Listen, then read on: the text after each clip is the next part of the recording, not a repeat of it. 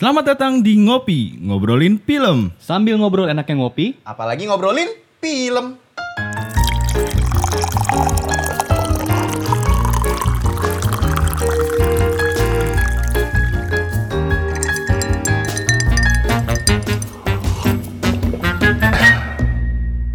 Oke, Wey. welcome to Ngopi, ngobrolin, film. By the way kalau misalnya kalian semua melihat, gue beneran lagi minum kopi loh. Asik. Oke, eh, perkenalan dulu kali ya Boleh. dari Lugi. Wah, kenalkan dengan saya Gian Sardi.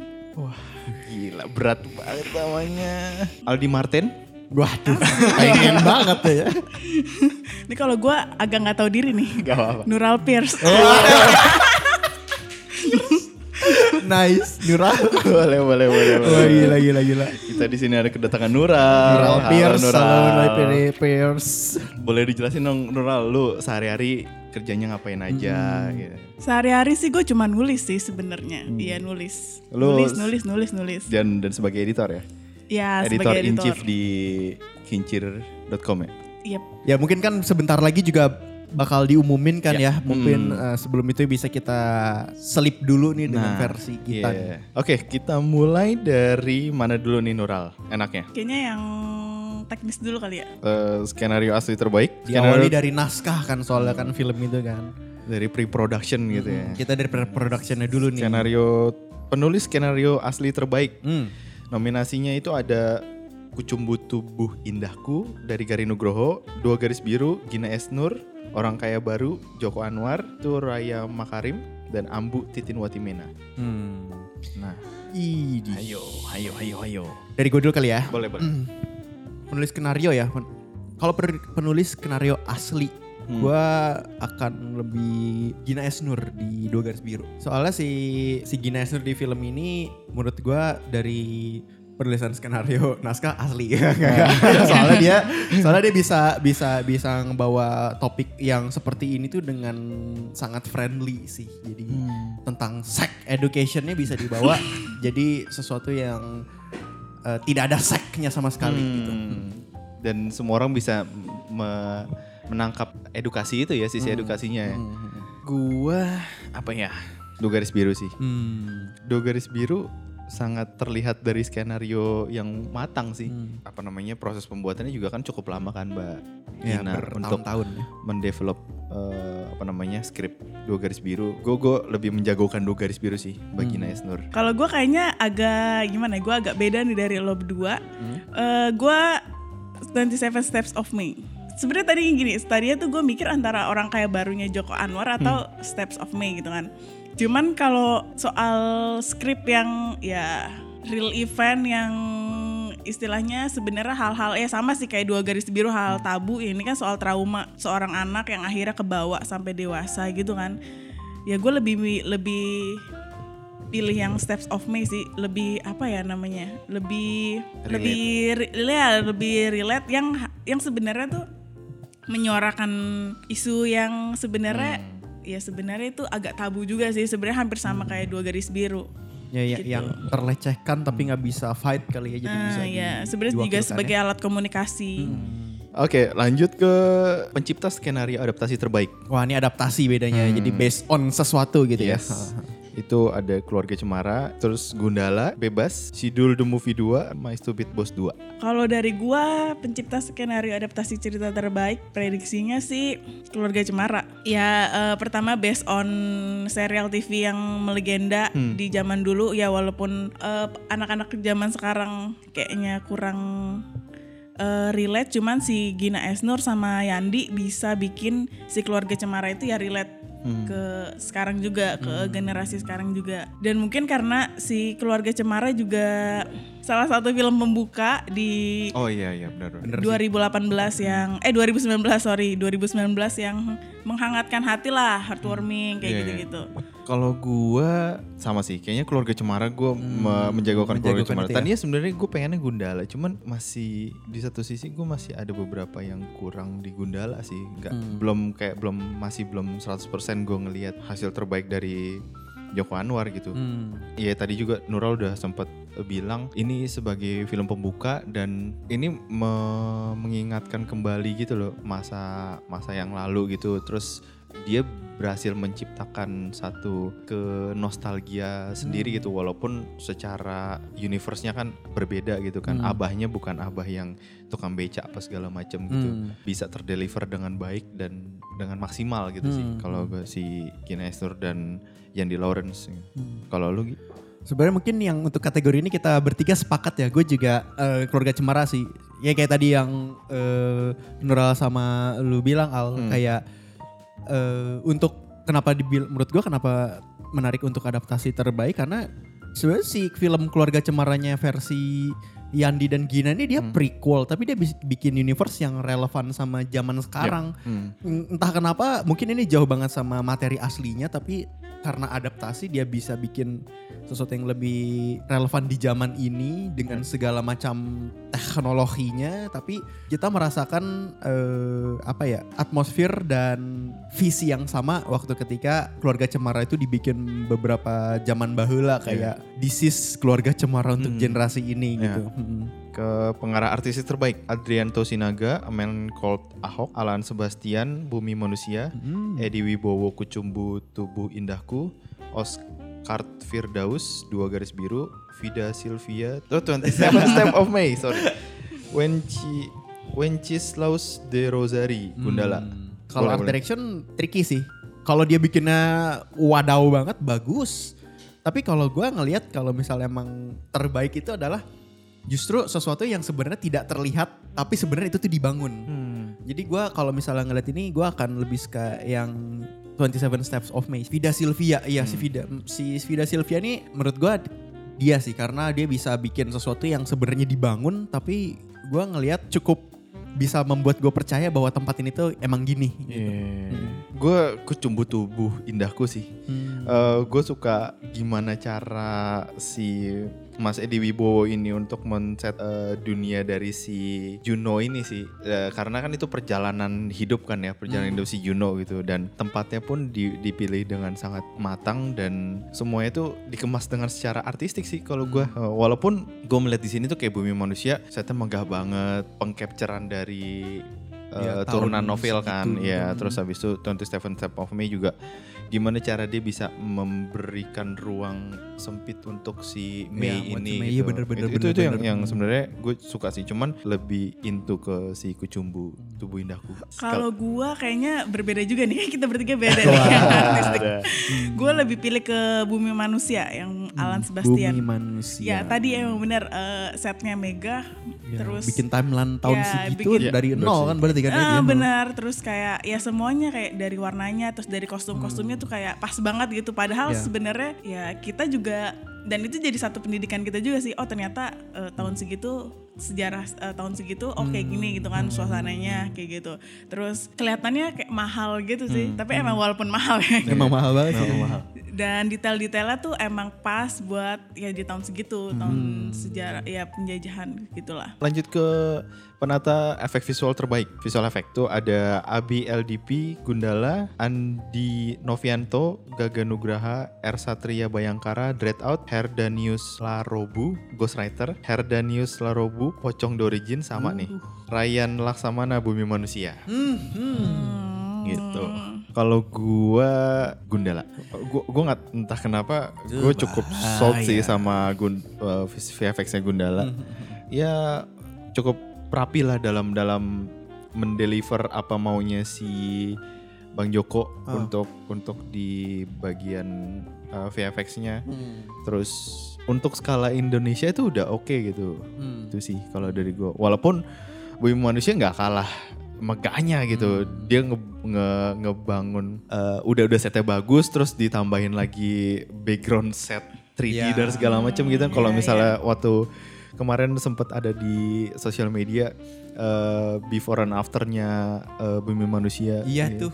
Hmm, itu tuh epic banget sih Iya. cuman gue entah kenapa subjektif gue sih Gunda Dia sebenarnya juga gila kan dia ngerubah ngeroto eh, distopin Jakarta yang dari itu tiba-tiba jadi ada Iya. jembatan jadi ada tempat sampah yang di mana itu gua nggak nggak nggak kelihatan tempelan sih. Hmm. Gue juga sebenarnya setuju sih gue Gundala. Gandala, Gundala. Gandala. Orewa Gandala. Oh, Waduh. Gundam itu. Soalnya dan jujur pas screening gue dapat paling depan tuh ya. Hmm, dan sama sama kita iya, bareng iya. kan. Iya, kita bareng.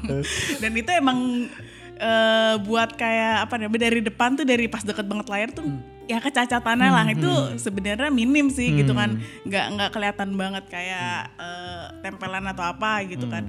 Dan gue sampai nonton dua kali saat itu. Mm, duduk di tengah-tengah dan itu apalagi tengah-tengah ya kan. Itu benar-benar nggak kelihatan sih visual efeknya maksudnya yang hal-hal yang eh, cacatnya lah atau yang bengkok-bengkoknya gitu termaafkan gitu Iya. kan Berarti kalau misalnya rilis versi DVD-nya pun bakal lebih seamless lagi kali ya. Nah ya, dan trennya itu kita bisa relate sama dunianya. Jadi kayak ngerasa tuh dunia ya kita ada, Ada, di iya. situ gitu kan. Kita ngerasain dunia itu. Bukan Walaupun- dunia buatan gitu ya, ya. bukan dunia buatan. Walaupun emang itu buatan Iya, sebenarnya. masih tetap dekat gitu Iya, ya. masih tetap dekat. Mungkin penilaian gue juga masuk ke practical effect-nya. Hmm. Jadi em, ketika apalagi di combine menurut gue tuh jadi sesuatu nilai plus yang di mana sinkronnya enak. Makanya gue kalau untuk penata efek visual terbaik itu lebih ke Dread Out, si tim Dread Out nih karena eh, apalagi pas waktu adegan di muncul si adegan kolam gak Di kolam tiba- itu ya? yang di Hmm. apartemen terus waktu eh, bagaimana visualisasi di sana zombie campur CGI dikitnya dan macam-macamnya itu dipakai yang buat gua gua harap sih kalau misalnya mereka menang tuh eh, jadi set bar gitu. Kalau misalnya film Indonesia mau pakai visual effect Kayak gitu. minimal nih tim ini nih. Kalau lu di bawah ini tuh budgetnya berarti belum cukup gitu sih kayak lebih ke situ sih Gue juga tadinya eh, mau pilih Mau Dread Out sih. ya iya tuh dari yang soal setan-setanannya lah, soal ya kemunculan dia di dunia yang Ya, paralelnya dunia itu, paralel itu. itu tuh juga kayak ya sebenarnya mengingatkan kita sama game juga gitu ya kan. ya ya Eh, muncul dari kuburan Iya, itu muncul dari kuburan. ada campur kan praktikal yang ditambah campur ada tangan-tangan. Menurut gue suka sih di gue tuh suka kalau visual effect tuh yang karena mungkin gue pribadi ya. Hmm. visual effect gue suka yang kombinasi jadi gue nggak suka yang terlalu CGI juga tapi terlalu praktikal juga enggak gitu. Ya contoh paling gampang kayak Star Wars lah. Star Wars kan sebenarnya tetap membudayakan practical effect tetap ada kan Ya. kayak kelihatan animatroniknya tapi dicampur CGI Hmm. Ke penata musik terbaik itu ada Bumi Manusia, Andika Triadi, Dua Garis Biru, Andika Triadi lagi, Hmm. Gundala, Agi No Narotama, Bambi Gusti, Tony Merle, sorry, Eh, ada Bebas, Li Indi, Indra Perkasa, Kucumbu Tubuh Indahku, Ramon Gascaro, 27 Step of May, Torsi Argeswara. Gua sih dua garis biru Andika Triadi.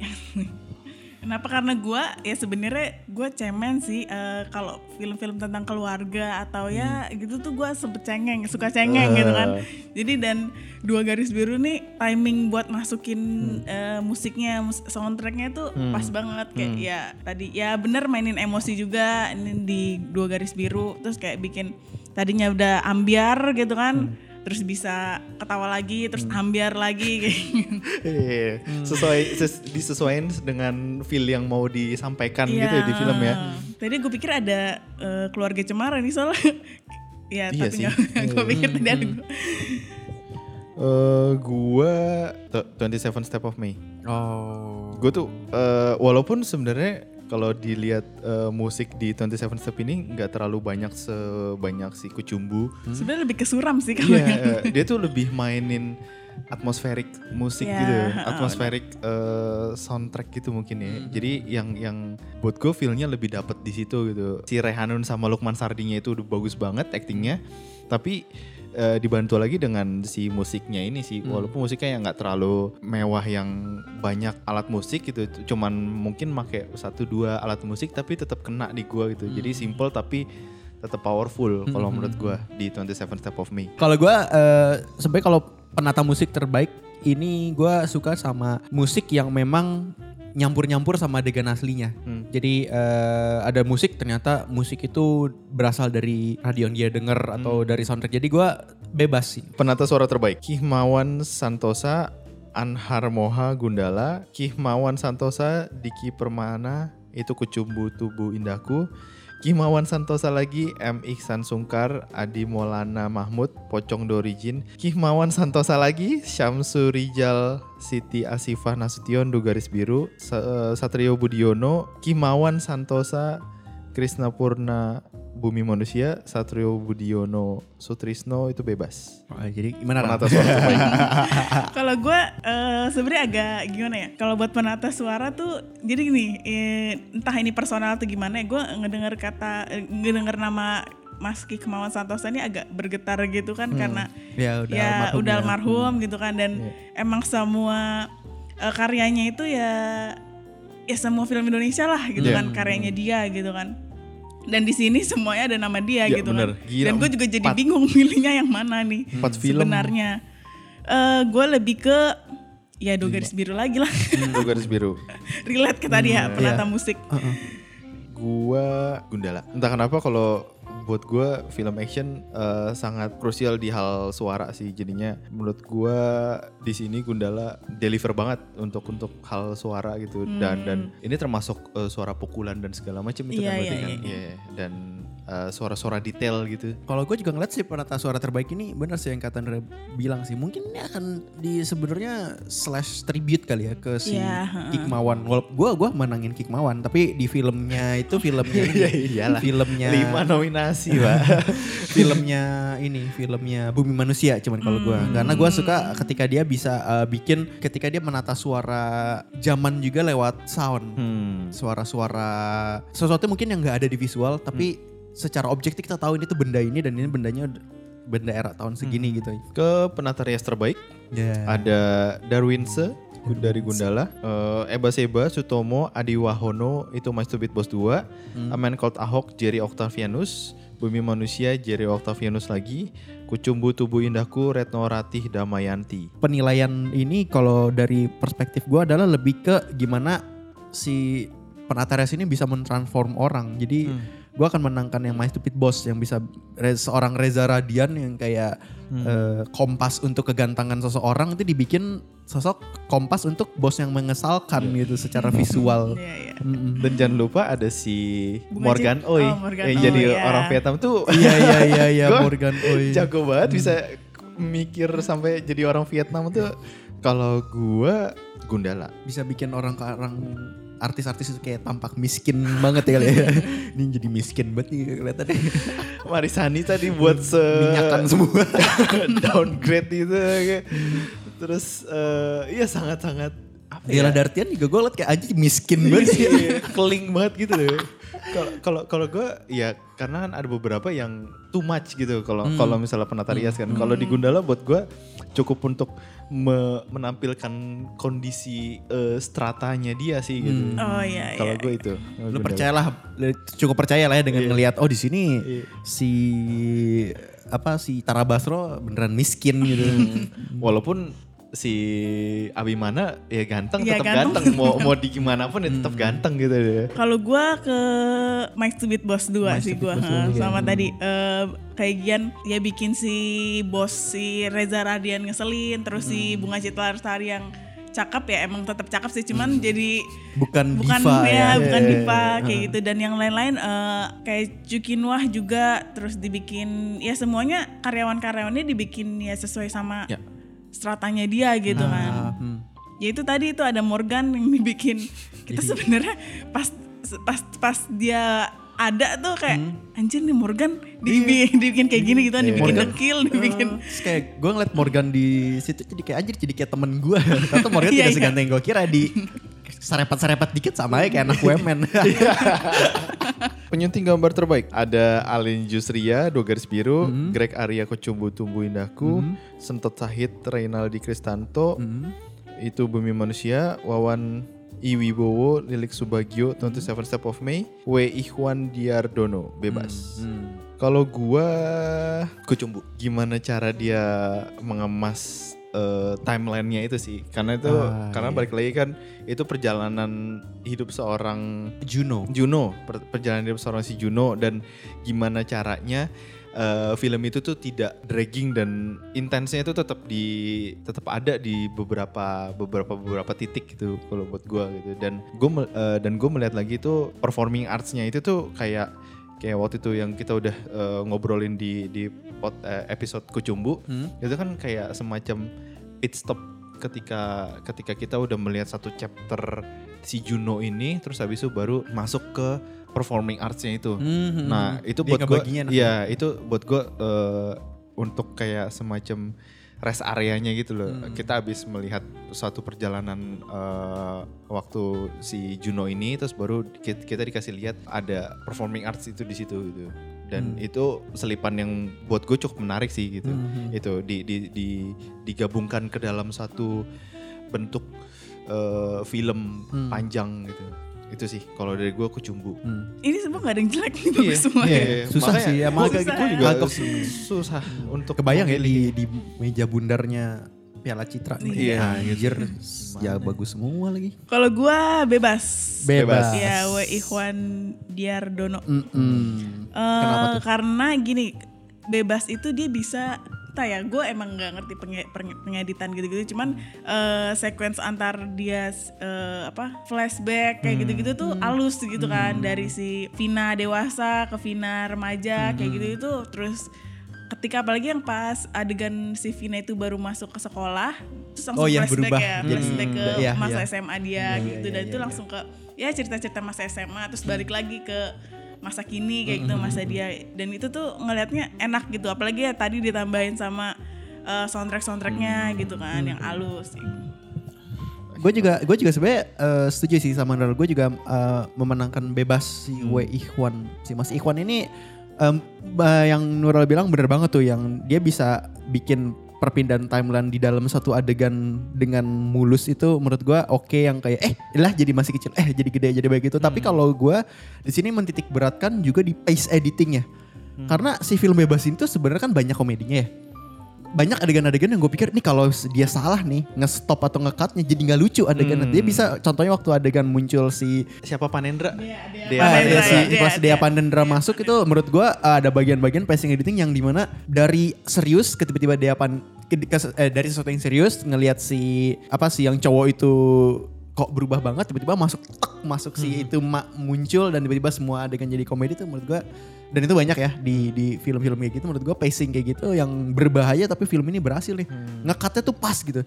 Ada adegan yang lucu tapi tahan dulu tahan dulu jangan dia cut pas lagi momen yang pas. Jadi punchline yang keluar tuh gue seneng banget kayak ah, tai gitu kayak gitu ya momen-momen gitu sih suka jadi bebas sih kalau gue Hmm.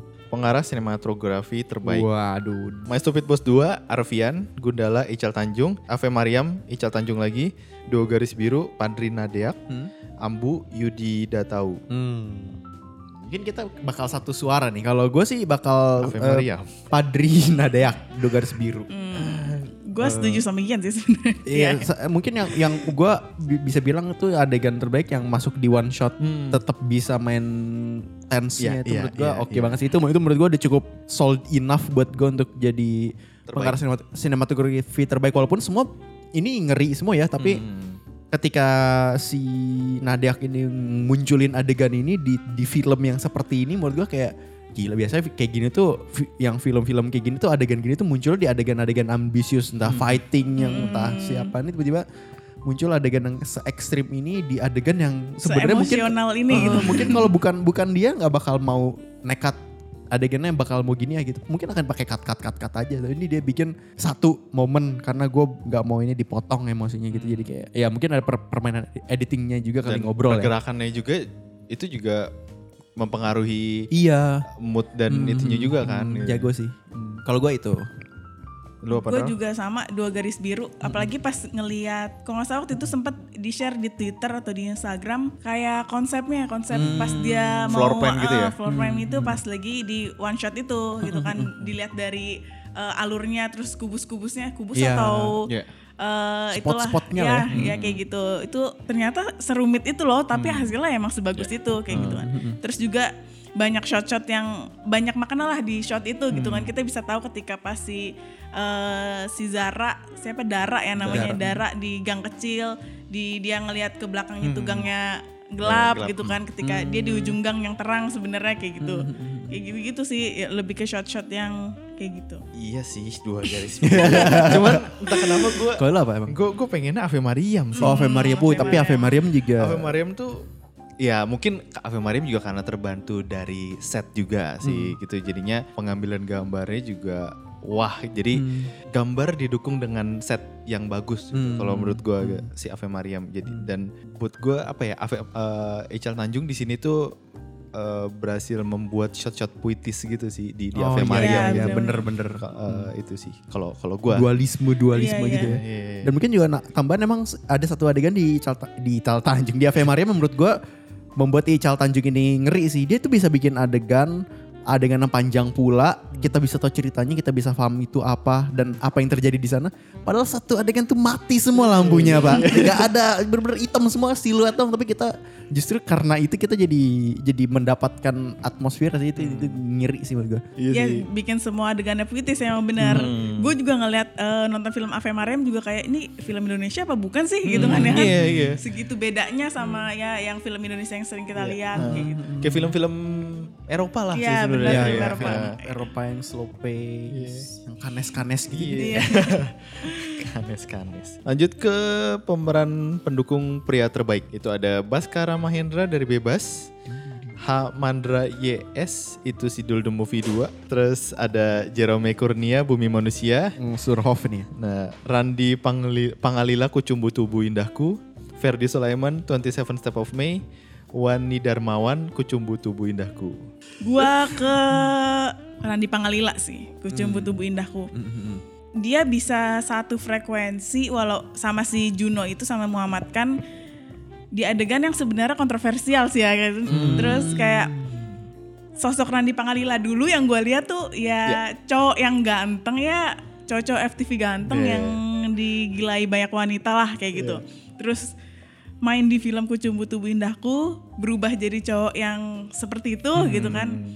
Itu agak bikin gua shock sebenarnya awalnya cuman kayak oh tapi emang dia terlahirkan untuk jadi si itu gitu. Siapa sih namanya? Ya itulah. Ya itu. Nah. Eh, gua gue Ferry Sulaiman. Walaupun agak berat ya untuk menentukan gue sebenarnya antara si Baskara Mahendra atau si Ferry Sulaiman sebenarnya. Karena Baskara Mahendra cukup untuk membuat gua jadi scene stealer di film bebas sih. Itu walaupun iya, dia iya. pemeran pendukung, aktingnya dia cukup oke untuk di di film bebas. Tapi Ferdi Sulaiman sold gue di di 27 Step of May gimana dia mendeliver karakter sebagai support system dari si bapaknya si Lukman Sardi. Ya, itu tuh uh, asik banget. Dan apa ya uh, komedinya dapat seriusnya dapat dan ya luwes aja gitu sih Iya, buat gue iya, kalau gue itu uh, kalau gue Ferdi Sulaiman 27 Step of May Kalau gue itu Baskara Mahendra di bebas. Hmm. Karena kalau gue parameter si pendukung pria terbaik itu adalah ya itu yang kayak lu bilang sih scene stealer.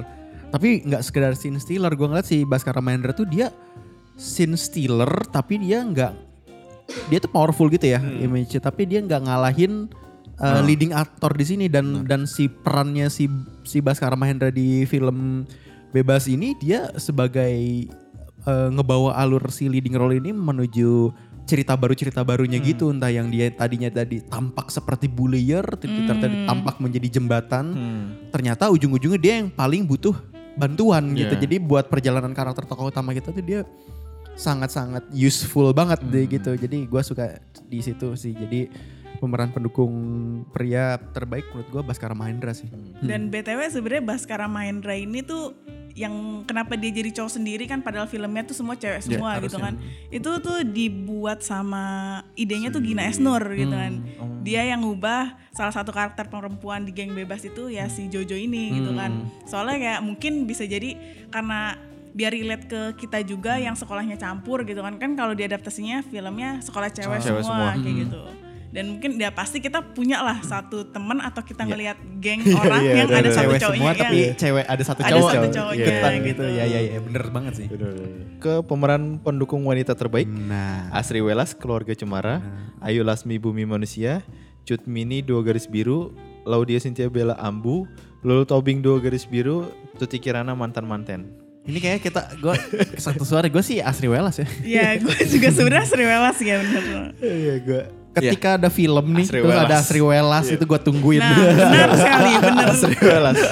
Sekecil apa pun Iya, perannya itu pasti gue Gua tungguin suka mana gitu. nih orang luar nih ya walaupun walaupun ada ada satu film yang si Asri Welas juga, gue lupa apa ya mantan manten nih. Si oh jadi pengacaranya ya Iya, jadi Oh, pengacara. iya, iya, iya. Itu itu sebenarnya formula yang dipakai dari keluarga Cemara mau dimasukin ke eh, mantan-mantan Ah, tapi iya, iya. buat gue itu kurang works karena timingnya salah terus itu gue berasa pengulangan aja di situ. Dan tapi di keluarga cemara masuknya bagus timingnya oke dan porsinya juga enggak berlebihan. Ya kayak tadi lu bilang gimana cara eh, gimana dia jadi scene tapi tidak me- menutupi auranya dari pemeran utama-utama ini. Iya, gue sama sih Astri Welas ya. Kita setuju ya. Iya, kita Astri setuju. Welas. Ngomong-ngomong di, pen- di peran pendukung pria terbaik kenapa nggak ada si Romli ya? Iya iya. Salah. Di di Love for Sale juga gue kayak aji di dikit banget muncul tapi kayak Iya, gue iya, langsung iya. aduh nih orang Dan hebatnya si. Asri Welas ini dia tiap film pun walaupun sedikit karakternya selalu berubah-berubah kan gitu dan dia tetap jadi ya dia sendiri Iya, gitu dia kan. tuh dia tuh kalau gue lihat ya bagusnya juga kayak kayak kayak kayak Stanley di Marvel Nah. beda-beda tapi gitu orangnya. Iya, iya. Lagi aja dia orang hamil juga lah jadi debt collector lah aduh. Ke pemeran utama wanita terbaik. Uh, Yes. Dira Nazubir, Keluarga Cemara, Raihanun 27 Step of May, Syaina Febrianti Bumi Manusia, Sisi Prasilia, Mili dan Mamet Ini Bukan Cinta dan Rangga, Zara JKT48 Dua Garis Biru. Gue Rehanun. Rehanun ya. Rehanun 27 Step of May. Gue juga sih Rehanun sih. Rehanun Hmm, gue kayaknya Shaina Febrianti. Bumi Manusia. Bisa dibilang nggak tahu Shaina sebelumnya sih gitu kan. Dia nggak gue eh, nggak tahu dia main di film mana gitu kan. Tapi pas dia muncul di Bumi Manusia ngelihat ih kayaknya ini eh, mantep banget gitu kan. Kalau buat jadi seorang aktris tuh ya dia masuklah kategorinya kayak gitu kan. Terus tiap adegannya juga dari emosinya dari mm, dari tarikan napas dia tuh kayak ah, iya ini gitu kan kayak sesuai sama eh, ininya ceritanya kayak gitu. Kalau kenapa Rehanun? Karena powerful banget karakternya dia di situ dan Rehanun bisa me- menampilkan karakter itu dengan baik gitu. Karakter sosok orang yang mental breakdown. Ya sih kalau gue juga kenapa Rehanun? Sebenarnya agak-agak karena ini sih. Dia tuh karakternya eh, bisa bikin banyak emosi di dalam adegan itu sih. Gue bisa jadi kasihan sama dia. Bisa jadi kesel banget waktu adegan yang dia nggak mau keluar dan itu gue kesel banget sih. Gue udah kesel gitu ngeliat sama karakter ini tapi ini mungkin terdengar salah tapi ada juga adegan yang pas lagi dia mau apa ya mau bikin dirinya atraktif ketika ketemu si magician gue juga kayak agak gitu. Aduh, Jesse. Gini lagi aduh. Niatnya kan mau menunjukkan sesuatu yang painful kan tapi kok gue salah kok Salah tangkap. Jadi ngebayangin. Eh, lanjut ke pemeran utama pria terbaik. Nah, Abimana Arya Satya, Gundala, Angga Yunanda dua garis biru, Lukman Sardi 27 Step of May, Muhammad Kan Kucumbu Tubuh Indahku, Reza Radian My Stupid Boss 2, Ringo Agus Rahman Keluarga Cemara. Gue Muhammad Kan Kucumbu Tubuh Indahku. gue cukup sepakat sih. Gue juga sepakat. Ya, kita bertiga sepakat ya. Istilahnya track recordnya dia ya. Hmm. Track record itu dia dari mana, terus eh, dia pernah main film apa segala macam. Tapi ketika pas gua nonton film ini, apa ya totalitas gitu loh. Buat gua ngeliatnya gimana cara dia me- memerankan karakter Juno ini sebagai yang Traumatik. traumatik ya. ya, traumatik gitu dan ya itu sih yang yang buat gua bisa terdeliver ke gua. Gue juga eh apa setuju. Terus juga kemarin sempat ngobrol asik so deket Iya, gitu ya. iya. Kawan nih, kawan. so deket gitu kan. Kawan kan. Dan dia tuh katanya sampai nurun beberapa kilo berat badannya, terus sampai nonton video-video yang sadis lah biar eh, dia nggak takut sama darah, dia biar eh, trauma gitu kan. Sebenarnya hampir sama eh, kayak waktu kayak si Joker si to- eh, si Tot- eh, sorry. Hawken Phoenix. Joaquin Phoenix ya dia sampai ya bisa dibilang hampir gila lah ngelihat eh, sama buat perannya itu kan. Ya ketahuan sih pas hasilnya juga wah ini pas eh, sejujurnya pas gue lihat awal filmnya tuh kayak ini kayaknya anak teater deh soalnya segitu eh, menjiwainya gitu kan menjadi Juno menjadi yang karakter yang kontroversial lah gitu kan. Sampai ya filmnya dicekal di mana-mana gitu.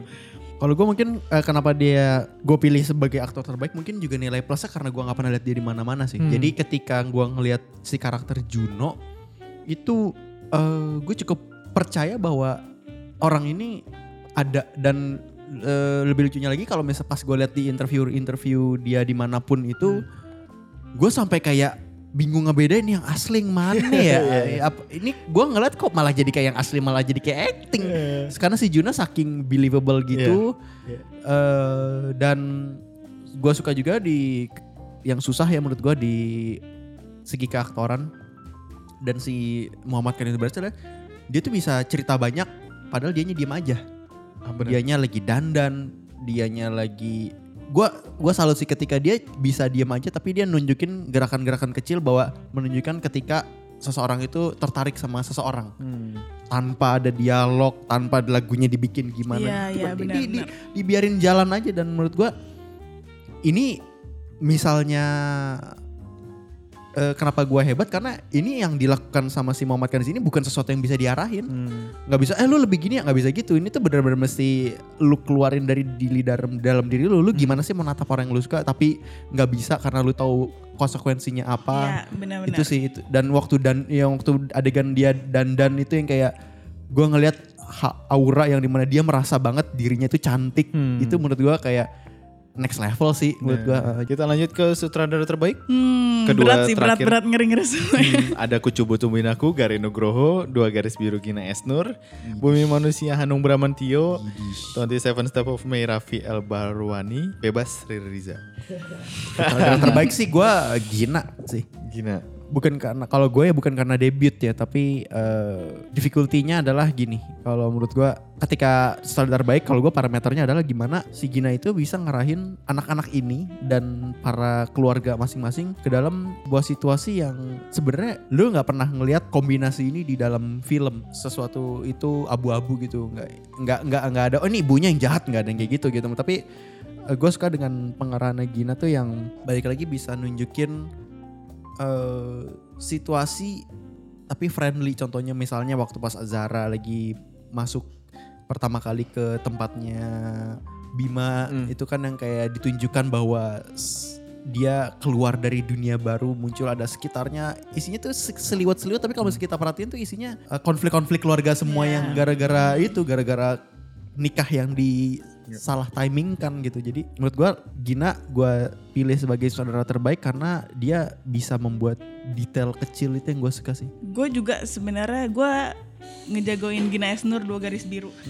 Nah tadi benar dari detail-detail kecil terus eh, kayak misalnya adegan yang strawberry kayak gitu-gitu tuh. Nah yang kayak gitu-gitu dia bisa ngasih simbol yang sebenarnya ya kalau dihilangin juga nggak ngefek gitu kan. Cuman dia ngasih detail adegan yang kecil-kecil tapi punya makna gitu kan, punya arti kayak gitu. Semua. Semuanya adegannya tuh filosofis gitu. Terus eh, apa namanya ngarahin si Zara yang tadinya kita nggak kenal sebagai siapa-siapa gitu kan. Zara sama Angga Yunanda yang film-filmnya sebelumnya ya. Mereka berdua diarahin eh, Gina tuh kayak langsung jadi wah oh ini nih gitu kan. Ini ngelihat eh, mereka berduanya. Jadi apa sebagai satu batu loncatan juga buat Angga sama Zara gitu kan Gua, duh, gua sebenarnya pengen Gina Esnur tapi gue sebenarnya pengen Raffi El Barwani yang menang sih.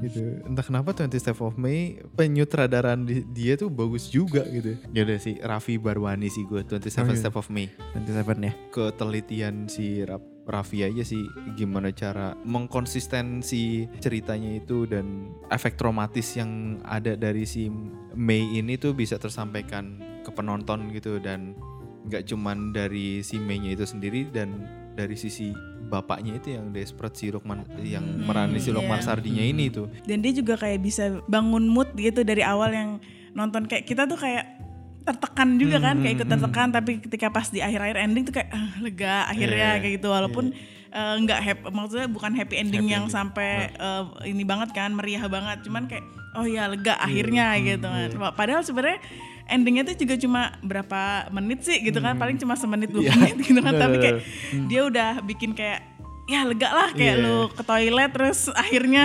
mengeluarkan semuanya kayak gitu.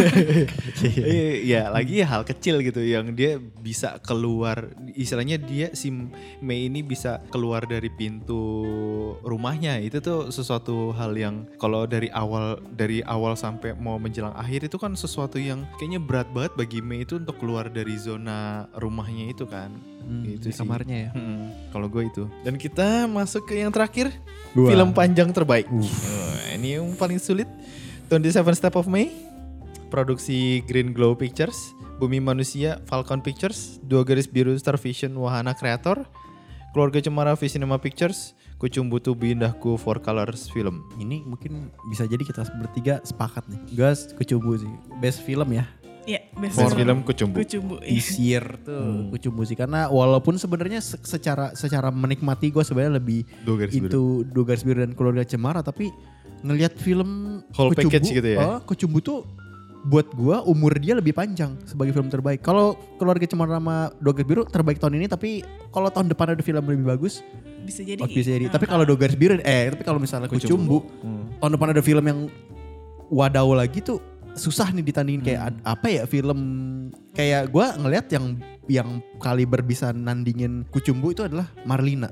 Marlina Hmm. Pemuda Babak. Iya, Jadi kayak iya. emang emang itu bukan tipe yang my kind of movie secara pemilihan. Hmm. Tapi pas gue nonton film gitu kayak ah, gila, kayak ngelihat eh, ini tau kayak ngelihat mainan yang rapih banget terus kayak detail-detail kecilnya muncul gitu yang kayak lu sampai nggak berani megang gitu. Iya, Kayak sesuatu apa ya?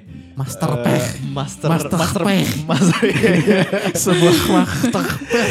Gila. masterpiece eh, craftsmanship gitu ya. Hmm, Iya, iya. Iya, eh, sebenarnya ada ada beberapa nominasi yang kita nggak eh, tebak-tebakan karena kita juga sebenarnya belum belum, nonton nonton ya? filmnya. Ya apalagi gue, gue cuma lihat trailer-trailernya doang, jadi gak bisa. Iya, karena emang di sini agak sulit un- dan eh, untuk merich film pendek gitu kan. Screening screeningnya juga masih masih terbatas gitu, limited screening. Jadinya ya semoga ke depannya film pendek pun juga bisa bisa dapat porsi yang cukup untuk untuk Hmm. untuk screening gitu, untuk pemutarannya. Mungkin Jadi harapan lu itu ya. Iya dan orang juga bisa lebih eh, banyak yang tahu tentang film pendek gitu. Hmm. Atau mungkin bisa juga dengan ngadain roadshow gitu kali ya film Hmm. festival. Itu sebenarnya udah ada belum sih roadshow? Misalnya eh, kalau misalnya dari untuk yang film pendek gitu ada yang dokumenter dan eh, naratif eh, bisa ada kayak misalnya eh, kompilasi film pendek satu gitu. Kalau kompilasi film pendek dua Hmm. eh, Jakarta dari tanggal segini sampai tanggal segini itu Hmm. ntar diputer-puterin film-filmnya semua gitu. Ya, jadi orang yang belum ya. iya jadi orang yang belum nonton tuh bisa bisa ke recall, eh, bisa nonton dan kalau yang udah nonton bisa ke recall lagi Hmm. gitu. Terus eh, untuk untuk di pedalaman-pedalaman atau misalnya Hmm. yang susah nge-reach misalnya kayak di mana ya Kalimantan mungkin yang istilahnya pemutaran film pendek pun juga susah gitu. Iya. Nah itu tuh juga bisa diakomodir sama eh, festival film ini sendiri atau sama postbank film. Nah Yang- benar yang- kalau hmm. sebenarnya akses yang paling gampang ya dari pusbang film Iya, kan karena yang ha, punya negara punya Iya, pemerintah ha. gitu. Dia bisa bikin ruang sendirilah Iya, gitu kan benar. buat akses eh, orang-orang yang khususnya di pedalaman yang bahkan bioskop pun dia susah Iya, gitu kan bioskop yang entah itu SX1, CGV dan segala macamnya gitu. Oke lah, eh, paling ya segitu dulu lah prediksi kita tentang Festival Film Indonesia atau apa? Piala Citra ya? Ya, pilih. Ya Piala sekarang Citra. disebutnya Piala Citra. Oh, sekarang sebutnya Piala Citra. Jangan lupa kalian bisa nonton Malam Panganugrahannya itu nanti di hari Minggu 8 Desember jam jam 7 di Metro TV. Bisa kalian tontonin dan kalian lihatlah siapa pemenang-pemenangnya dan kita bisa lihat mungkin bisa jadi benchmark lagi ya buat Iya, benar. eh, tahun depan film Indonesia akan lebih eh, berwarna lagi, lebih bagus lagi. Itu sih harapannya dengan adanya pemenang-pemenang ini. Ya kita juga ini prediksi-prediksian aja gitu kan, Mm-mm, bukan ya, bukan buat berarti- seru-seruan aja lah ya, seru-seruan. gitu, iya. Kita Iya, juga iya. soal film juga ya apa sih kita iya. Kita cetak, kita, ja- kita kita jangan gitu. bilang kita ada punya usah bilang. kita juga bicara sebagai penikmat film Iya aja. benar benar gitu. sebagai eh ini Lukman Sardi ngabarin Ki jangan dikabocorin dulu ya buat besok. mantep temen lu Lukman Sardi. Wah. Teman main gundu ya, gundu. Gundula ya ada. Oke segitu dulu eh, teman-teman yang udah mendengarkan sampai saat ini sampai detik ini terima kasih banget. Kalau misal kalian suka sama podcast ini silakan di follow, silakan di subscribe. Kita ada di Spotify, di Apple Podcast dan di Google Podcast. Tinggal search saja ngopi atau ngobrolin film pakai P, P I L E M. Kalau misal kalian punya kritik, saran atau misalnya mau kita suruh ngebahas film apa, Hmm. bisalah dicolek di Twitter kita ada di @roadkillpic atau di Instagram @roadkillpictures. Ya bener kok kalian Ya. judulnya ngopi tapi twitternya roadkill pick nah, itu bedanya ya sama yang lain yang lain tuh bener ngopi ya, ininya ngopi lah kita beda ya. Terus kalau misalnya kalian mau menghardik kita kita enggak gitu bang. Pemenangnya kayak gini pemenangnya gini.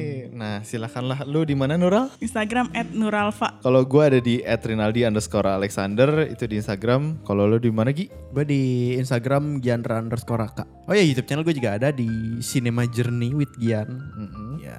Di komen komenin lah eh, Ya. video-videonya di subscribe subscribe kalau misal kalian suka. Gitu dulu episode kali ini episode seru-seruan sebenarnya sih eh, karena menjelang eh, Piala Citra jadinya kita bikin lah gitu segitu udah, dulu udah. Ada.